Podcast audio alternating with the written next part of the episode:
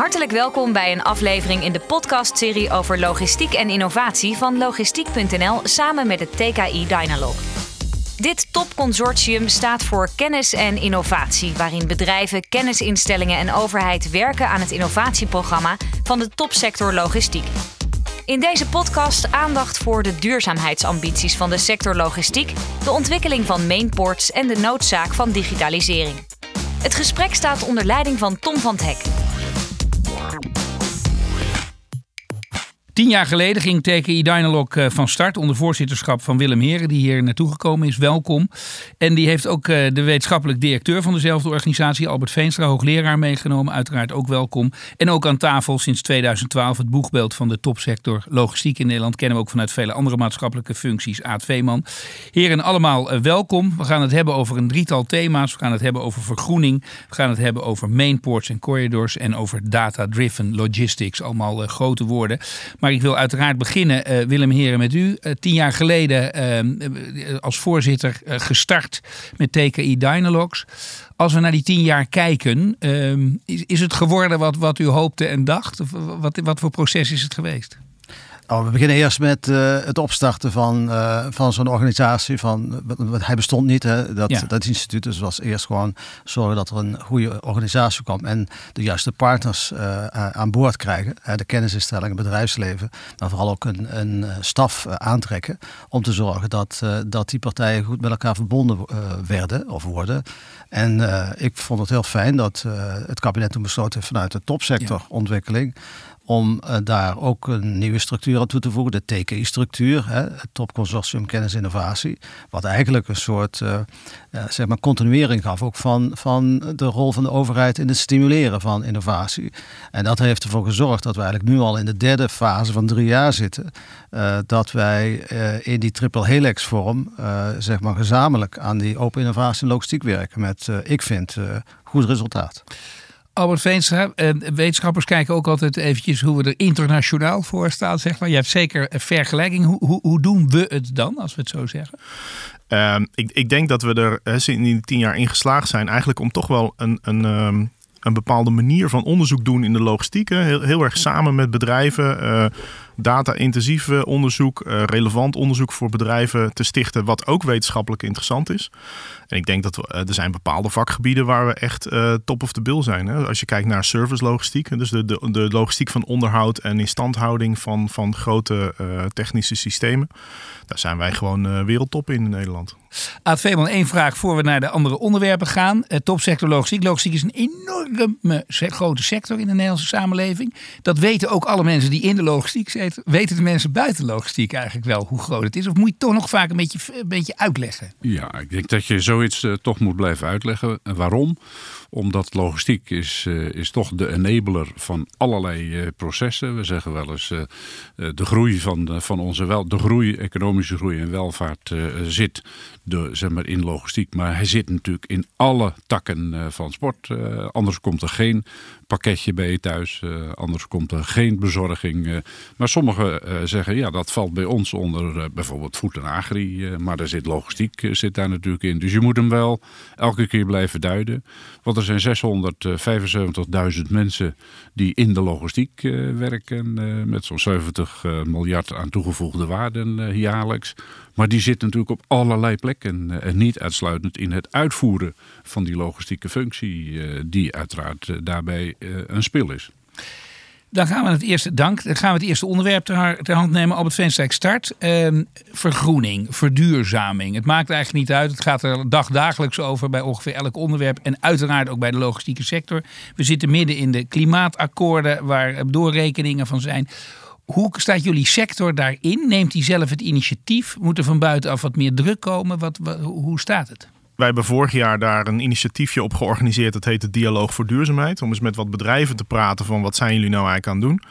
Dan blijkt dat die bedrijven zich allemaal heel bewust zijn van deze discussie. Uh, ook, ook wel echt nadenken van wat, hè, wanneer ga ik overschakelen van, van diesel naar iets anders? Uh, wat voor andere opties zijn er dan? Uh, kan ik nog in de aerodynamica nog wat winnen in de voertuigen of langere voertuigen? Kan, of moet ik echt al naar gas of elektrisch of waterstof? Of, er zijn partijen die zijn met, met vrachtwagentjes aan het rijden. En als dat niet in Nederland kan, dan doen ze dat in Zweden of in, in, in Spanje of in Amerika. Dus het, viel mij op dat die sector eigenlijk behoorlijk uh, uh, zich realiseert dat er, dat er wat moet gebeuren. Ehm, ze, ze willen daar ook best wel stappen in maken. Er is ook nog wel echt wel tijd om dat te doen tot 2030 of 2050. Um, maar tegelijkertijd zie je dat uh, de, de uitdaging zit hem erin dat er zoveel mogelijkheden zijn. Dat hebben we natuurlijk in de doorrekening van het klimaatakkoord ook al gezien. Zoveel dingen die we te doen hebben. Dat bedrijven daar wel wat hulp nodig hebben van wat is voor mij nou het juiste recept? Wat moet ik nou doen? Want Willem Heren, vanuit een, een bedrijf kijkend, u heeft heel, heel, lang zit u in die praktijk. Uh, sociaal wenselijk zal iedereen zeggen, ja, we dragen ons steentje bij, we, we doen de dingen. Hoe lastig is het voor een individueel bedrijf? Ik vind het niet lastig. Je moet ook, het is niet iets wat nu ineens op tafel komt. Verduurzaming is al een tijd uh, zeg maar, uh, heel actief in de, in de sector wat dat bedreven. Want ook afgelopen tien jaar in Dynalog waren er heel veel actielijnen. Zoals synchromodaliteit, maar ook bijvoorbeeld uh, combinatie van goederenstromen. Dat noemen wij dan 4C. Dat, er zijn heel veel projecten met ontzettende besparingen op het gebied van, van brandstof en daardoor reductie van CO2. Albert zijn daar al cijfers over dat een sector kan laten zien van nou toen deden we X, nu doen we Y? En, en kun je daar iets over zeggen? Ja, uh, uh, ja, we hebben vanaf het allereerste begin van de topsectoragenda echt ook uh, doelen gesteld. CO2-reductie, kilometerbesparingen van, van vrachtwagens met name. Dat monitoren we ook ieder jaar over een aantal over de projectportefeuille heen. Nou, en daar, daar zitten we eigenlijk uh, boven de, de, de targets die we voor onszelf uh, gesteld hebben. Die, die, uh, die, die zijn heel goed haalbaar gebleken. Um, maar, dus, dus wij monitoren daarop. we worden daar door de overheid ook aan gehouden. Um, en we leveren daar dus in die zin ook concreet onze ja. bijdrage aan. Aad Veerman, er komt ook een eh, congres aan op 16 april. Um, geen woorden, maar daden is het motto. Um, ik hoor hier al redelijk wat daden aan de overkant van de tafel. Of zegt u nou, dat is mooi, maar we, we, we, we hebben nog wel meer daden nodig? Zo'n zo congres is altijd uh, bedoeld om zeg maar, de laatste stand uh, van zaken uh, door te geven. Welke ontwikkelingen zijn er, welke toepassingen zijn er. En tegelijkertijd functioneert zo'n congres ook om mensen die daar zijn ook nog op onderdelen te inspireren. Van oh, als dat kan, of als zij dit bedacht hebben, daar wil ik meer van, van weten. Dus gewoon van, op elkaar overdragen. en tegelijkertijd mede door alle discussies over vergroening is daar natuurlijk een flinke uitdaging bovenop gekomen. Uh, en er is heel veel aandacht voor om te kijken van en hoe ga ik dat nou doen? Wat betekent dat nu? Zoveel procenten, zoveel ton uh, besparing. Dat is, dat is voor, voor een individuele ondernemer uh, is dat een begrip waar hij geen houvast in heeft. Dus je moet hem doorvertalen. En velen kunnen dat zelf en anderen uh, kunnen daarbij geholpen worden. Ook mede door zeg maar, de inspanningen en de, en de groepen die georganiseerd worden vanuit uh, TKI Dynalog. Als je ziet tegenwoordig de, de betere combinatie van goederenstromen, dat leidt tot zoveel meer besparing van brandstof en daardoor ook van CO2. En dat gaat tegenwoordig niet meer met de handje, dat gaat echt met complexe, geavanceerde computersystemen die zonder de invloed van de mens gewoon bepaalt wat de is. en dat zie je bij veel grotere bedrijven, die zijn daar heel sterk in. Maar we moeten nou zorgen dat eh, de MKB'ers ook goed meegaan. Want als je kijkt in Nederland, eh, van die, van die 6.000, 7.000 bedrijven, eh, de, de, de top 200 heb ik niet veel zorgen over. Die zijn heel actief op dat gebied, kunnen dat ook betalen, hebben ook veel kennis in huis. Maar het gaat vooral over dat, dat tweede echelon, de MKB'ers die we daar zeg maar, gaan bij betrekken. En daar speelt Dialog en de topsector een hele grote rol in. En dat is ook een van de redenen waarom we proberen om met die synchromodaliteit, eh, zowel wegsporen als water, te kijken van hoe je dat zo goed mogelijk op elkaar afstemt. Maar tegelijkertijd zorgt dat de groei die er is, ook over elk van die modaliteiten ook afgehandeld kan worden. Vandaar ook dat een van de onderdelen is, hoe halen wij met elkaar uh, een deel van die, van die toename van de weg af ja. uh, naar de andere modaliteiten. Dan toch nog één lastige vraag over die, dat wegvervoer, Albert Venster. Want er zeggen ook veel mensen tegen mij, van, die zeggen ja, maar dat wegvervoer is eigenlijk te goedkoop. Ja, ja. En, daardoor uh, is, het, is die verschuiving lastiger te maken. Ja, dat, of bestaat te goedkoop niet? Nee, nee. Ik, denk, ik denk dat dat in de onderhandeling, uh, dat daar prijzen worden vastgesteld. Hè. Daar, daar zullen een heleboel partijen in het wegvervoer inderdaad niet per se in een positie zijn om, om veel meer te vragen dan wat ze uiteindelijk uh, betaald uh, krijgen. Um, maar nee, dus dat, dat vind, ik, wel een lastige. ik denk wel hè, dat, dat als je externe effecten gaat meenemen, dat eigenlijk het hele transport aan de goedkope kant is.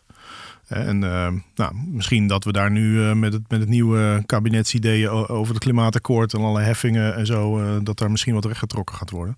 Dat zullen we zien. Ik kijk nog even naar de ondernemer aan de overkant. Bestaat ja, te ik vind, ik, ik, vind dat ook heel moeilijk, omdat we zitten niet op een eiland. Dus als je kijkt naar een open markt ja. en als je kijkt naar wat, wat, wat bepaalt nou de prijs van vervoer, dat is natuurlijk niet alleen brandstof, we praten ook over arbeid.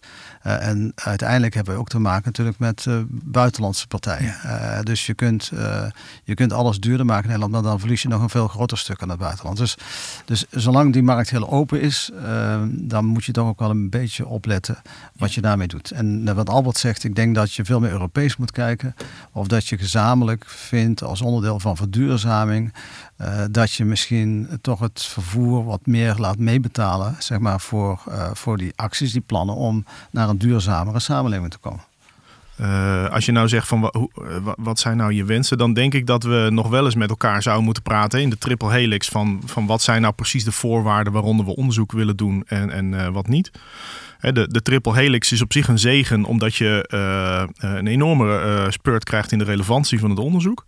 Maar tegelijkertijd uh, beperkte de, de, de kaders waarin we die middelen moeten besteden ons soms wel om echt goede, evenwichtige consortia te smeden. Vooral waar de overheid ook echt aan tafel zit. Ja, al, een, een belangrijk aspect daarbij is, en, en Albert noemde al die triple helix, is dat bij al die grote bedragen en al die inspanningen die, die met z'n allen gedaan worden dat er een zeer grote component is van het bedrijfsleven zelf wat ze zelf doen. Dus het is niet, het is niet geld van de overheid eh, en dan vervolgens gaan we naar het werk. Nee, er wordt, eh, er wordt over het hele programma van de topsector logistiek, waar dus een kennisontwikkeling een, eh, een onderdeel van is, is 50% wordt bijgedragen door de bedrijven en 50% komt uit de publieke middelen. Ja. En dat is met name de sleutel om te zorgen dat bedrijven er ook daadwerkelijk iets mee kunnen gaan doen. Anders gaan ze hun centen er niet in stoppen. U luistert naar een podcast van logistiek.nl en TKI Dynalog. We gaan naar het uh, tweede onderdeel, mainports en corridors. Aan Veeman, dan begin ik weer bij u.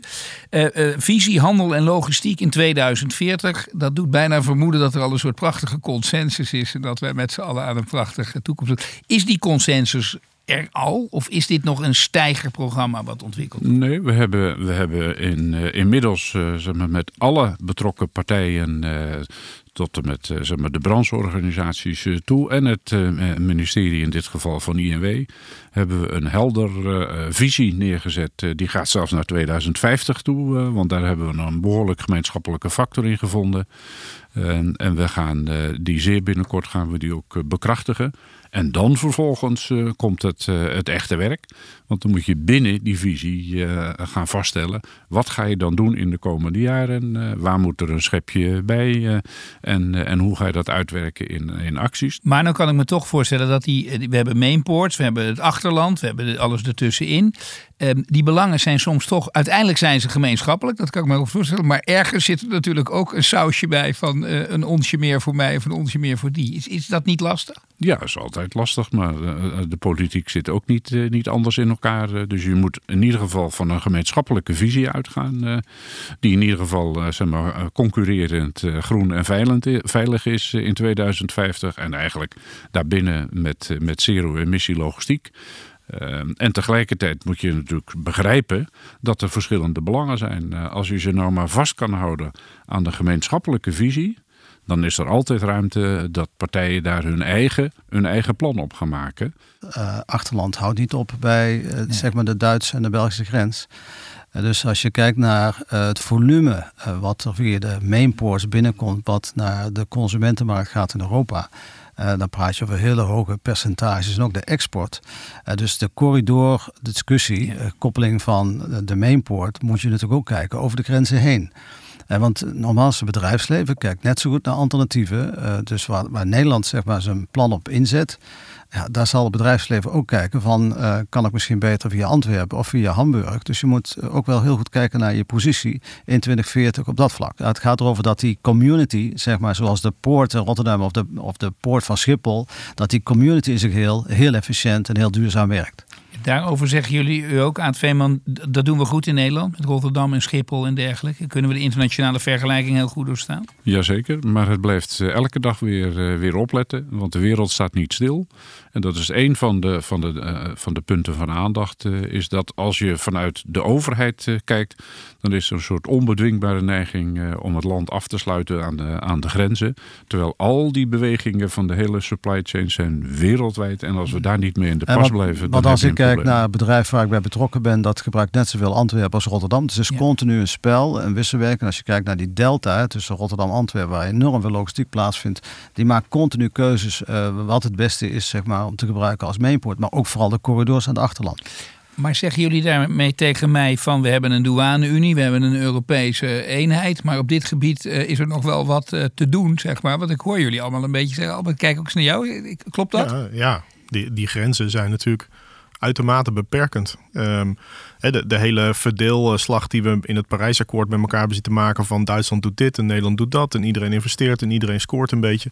Ja, dat is natuurlijk eigenlijk niet echt realistisch. Ik bedoel, wij gaan heel veel milieu-uitstootreductie uh, uh, realiseren voor Duitsland. Uh, maar hoe we dat gaan, gaan verrekenen, of, of uh, dat, dat, dat vertellen we er niet bij. Dus nee, dus dat, dat, is, dat is wel. En dat is eigenlijk vanaf het begin van Dynalog een thema geweest. Hè, van van we doen de logistiek voor Nederland als logistiek knooppunt in de wereld. Ehm, maar goed, de overheidsfocus is vaak op Nederland. Ehm, en de Duitsers gaan over Duitsland en de Belgen over België. Ja, dat is nou eenmaal zo. Toch nog even over die mainports en die corridors. Want ik lees ook over uh, lokale initiatieven in Brabant en Limburg, uh, bijvoorbeeld hotspots. Is dat nou goed, Albert Veen, dat, dat mensen uh, zeggen: wij gaan hier in een grote hotspot, we zijn we al, maar we gaan we nog? Of moet dat juist meer in samenhang? ja, allebei. Ja. nou, nee, nou, nee kijk, natuurlijk, het is goed. Hè? De, de, die, die hotspots die, die vervullen een belangrijke rol. En dat zijn aantrekkingspunten voor logistieke activiteiten. Gaan partijen bij elkaar zitten. Dat zijn vaak gemeentes die heel veel ruimte beschikbaar stellen voor logistieke uh, faciliteiten. Uh, dat, dat is prima, hè? dat dat clustert. Kijk, waar je natuurlijk wel voor op moet letten, is dat niet elke gemeente denkt, laten wij dat ook eens gaan doen. En, en dat je uh, investeringen vanuit zo'n gemeente krijgt op grote bedrijventerreinen, op grote uh, binnenvaartfaciliteiten of spoorterminals. Terwijl de naburige gemeente dat ook aan het doen is. Dus, dus vandaar ja en ja. Hè. Het is goed dat we die, die logistieke ontwikkelingen. En als je, als je bijvoorbeeld naar Venlo kijkt, wat daar gebeurt. Ja. Hè, maar ook naar Bergen op Zoom, Roosendaal. Of naar uh, wat ze in Gelderland op dit moment in de in de rondom Nijmegen aan doen zijn. Die aandacht voor logistiek, ook op, op lokaal bestuurlijk niveau, is hartstikke belangrijk. Uh, tegelijkertijd uh, ontstaat er continu een discussie. En uh, Aad Veenman heeft daar al even aan gerefereerd als het gaat over milieuzonering in steden. Dat is een vergelijkbaar vraagstuk. Dat je heel goed moet schakelen tussen lokale overheidsniveau en het nationale overheidsniveau. Om te zorgen dat je daar niet hoe zou ik het zeggen, uh, uh, onhandig opereert en, en dingen dubbel gaat zitten doen. Maar waarom ik de vraag ook stel is, ik vergelijk het maar eens even met bedrijventreinen aanleggen. We hebben er al te veel. Toch denkt elke gemeente, nee, maar mijn nieuwe bedrijventrein is net ja. iets unieker. Nee, ik, ik, merk, nee, ik merk toch in de provincies dat ze daar ook veel meer kijken naar grootschalige, trimodale uh, knooppunten met, met grootschalige logistieke terreinen. En niet meer in de achtertuin van elke gemeente. Uh, dus ik merk dat toch, dat ze daar heel actief mee bezig zijn. En ze zien ook dat dat alleen maar kan om de duurzaamheidsdoelstellingen te bereiken. Hè? Want je moet kunnen switchen heel snel tussen de verschillende modaliteiten. En je moet ook kunnen clusteren om de goederen beter te kunnen combineren.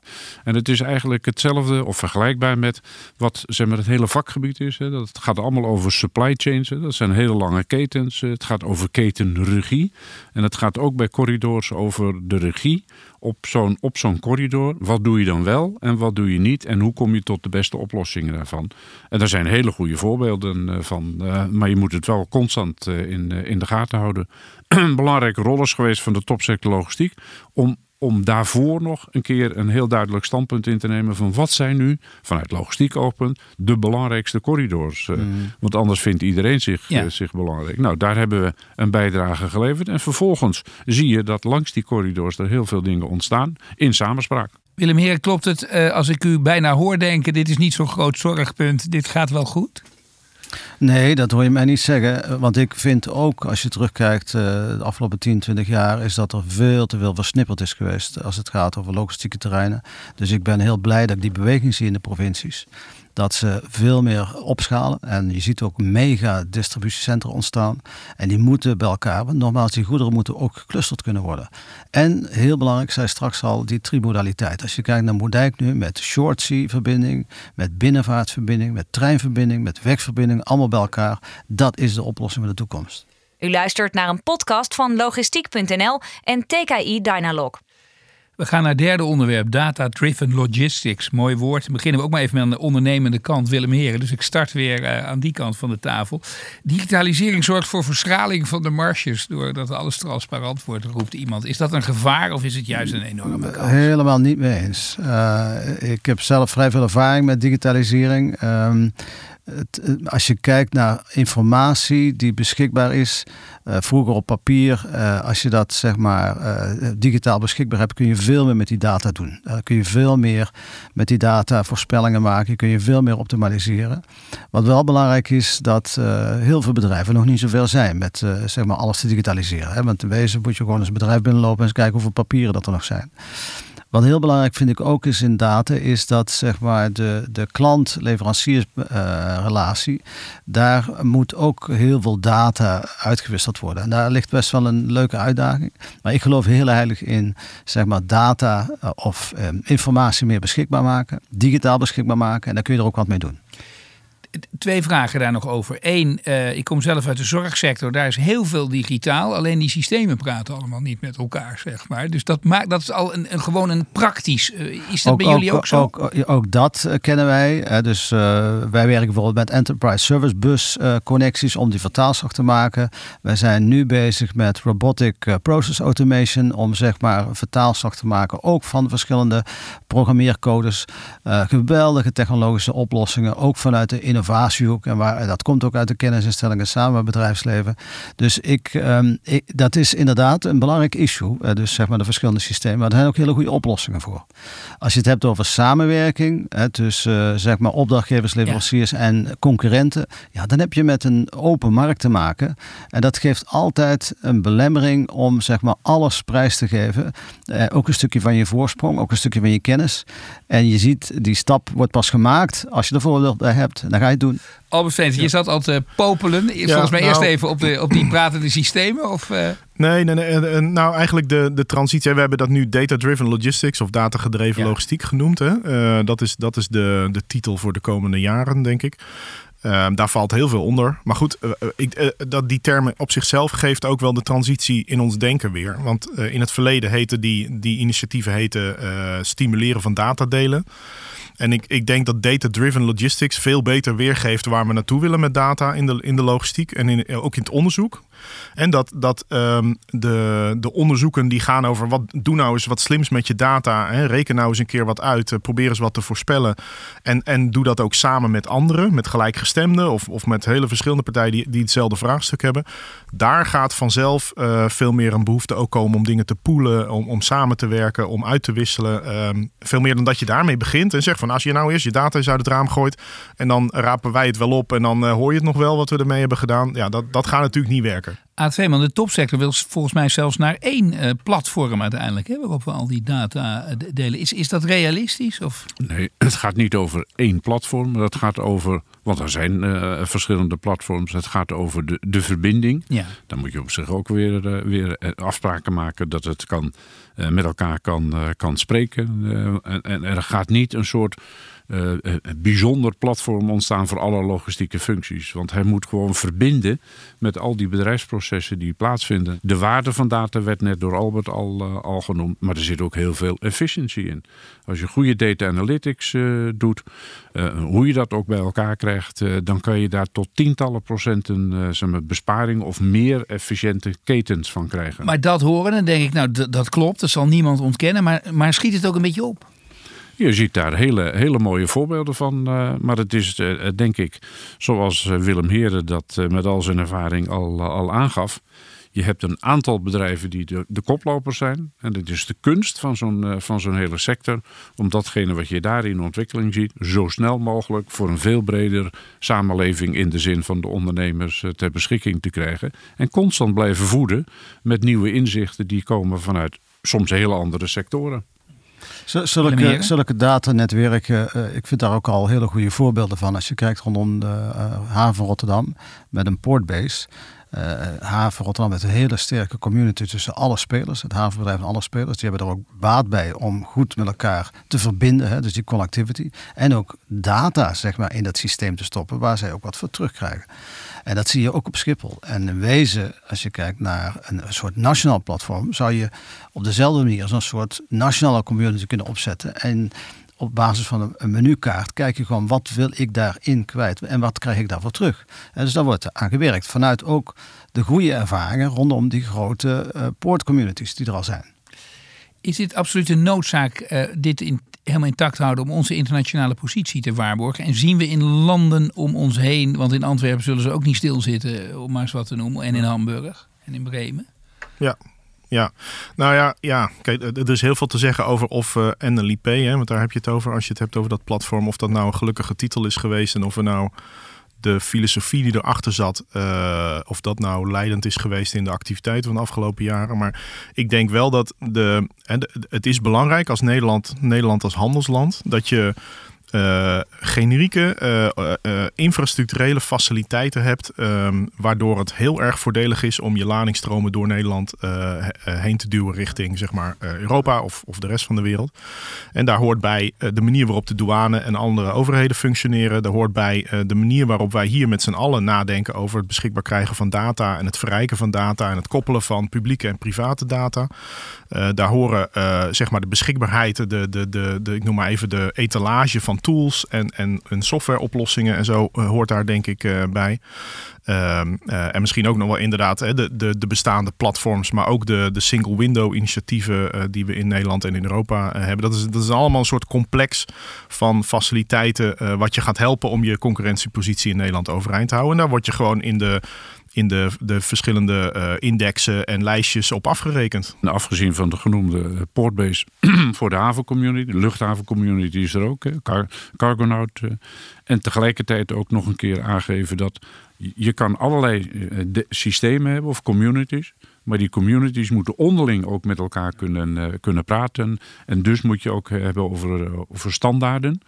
Um, en dat is een van de initiatieven om met iShare een standaard te maken, waardoor je gewoon met elkaar kunt uh, spreken om die keten te kunnen gaan verbinden. Dan heb je het niet over een monsterachtig groot platform.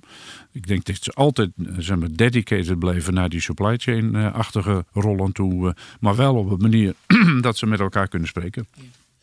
Is dit laatste onderwerp is dit de sleutel naar de toekomst? Die data Je kan geen onderwerp meer in de Nederlandse samenleving aan. Nou, er komt over data bij. Ik, denk, hè, we, we, hebben het net ook over vergroenen gehad. Uh, dit, vergroenen en, en data-driven logistics. Ik denk dat dat wel een beetje de ankerpunten zijn van, van onze, onze opgave voor de komende jaren, als je mij vraagt. Ja. Ik wil jullie danken voor alle kennis die jullie uh, hebben willen delen. Maar mijn laatste vraag gaat uiteraard naar uh, Willem Heren. Na tien jaar uh, het voorzitterstokje overdragende. wat voor winkel laat je achter, als je het zo maar zou zeggen? Of wat voor bedrijf laat je achter? Als je even naar heel transportlogistiek Nederland kijkt. Nou, ik als je het hebt over Take Dialogue, dan vind ik dat het een, een volwassen organisatie is.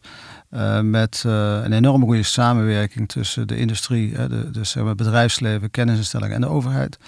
En ik heb ook al een paar keer uitgesproken mijn waardering ook voor de overheid, die dan toch ook meerjarig, en niet alleen voor een paar jaar, meerjarig zo'n commitment geeft om samen in die triple helix uh, mee te helpen dat, dat tot stand te brengen ik denk dat die tien jaar uh, veel impact heeft gehad en vooral op het samenwerken. dus ik merk vanuit de sector, ik zit er lang in, is dat er veel meer bedrijven met elkaar onderling proberen tot vernieuwing te komen, maar ook samen met de kennisinstellingen. Dus ik denk dat, dat Dialog Take Dialog dat staat en daar mogen we best heel erg fier op zijn. En mag jij ook trots op zijn?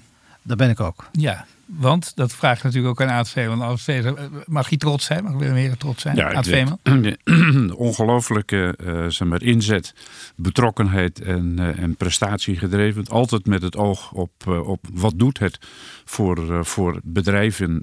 wat doet het voor de ondernemers in die, in die triple helix opstelling die er is. Ik denk dat wij heel goed hebben samengewerkt. Ik denk, ik denk dat het belangrijk is dat... Um er altijd in, in Dynalog en later ook in TKI een, een, um, een houding is geweest van het is belangrijk om onderzoek te doen. Um, en samen met het bedrijfsleven. Het moet relevant onderzoek zijn, maar het moet ook goed onderzoek zijn. En ik denk dat Willem daar een enorme bijdrage in heeft geleverd om dat maar continu te onderstrepen en te blijven herhalen. En, en daar ook mensen op aan te spreken die wel eens riepen van nou is het nou nodig dat we hier nog een keer naar kijken.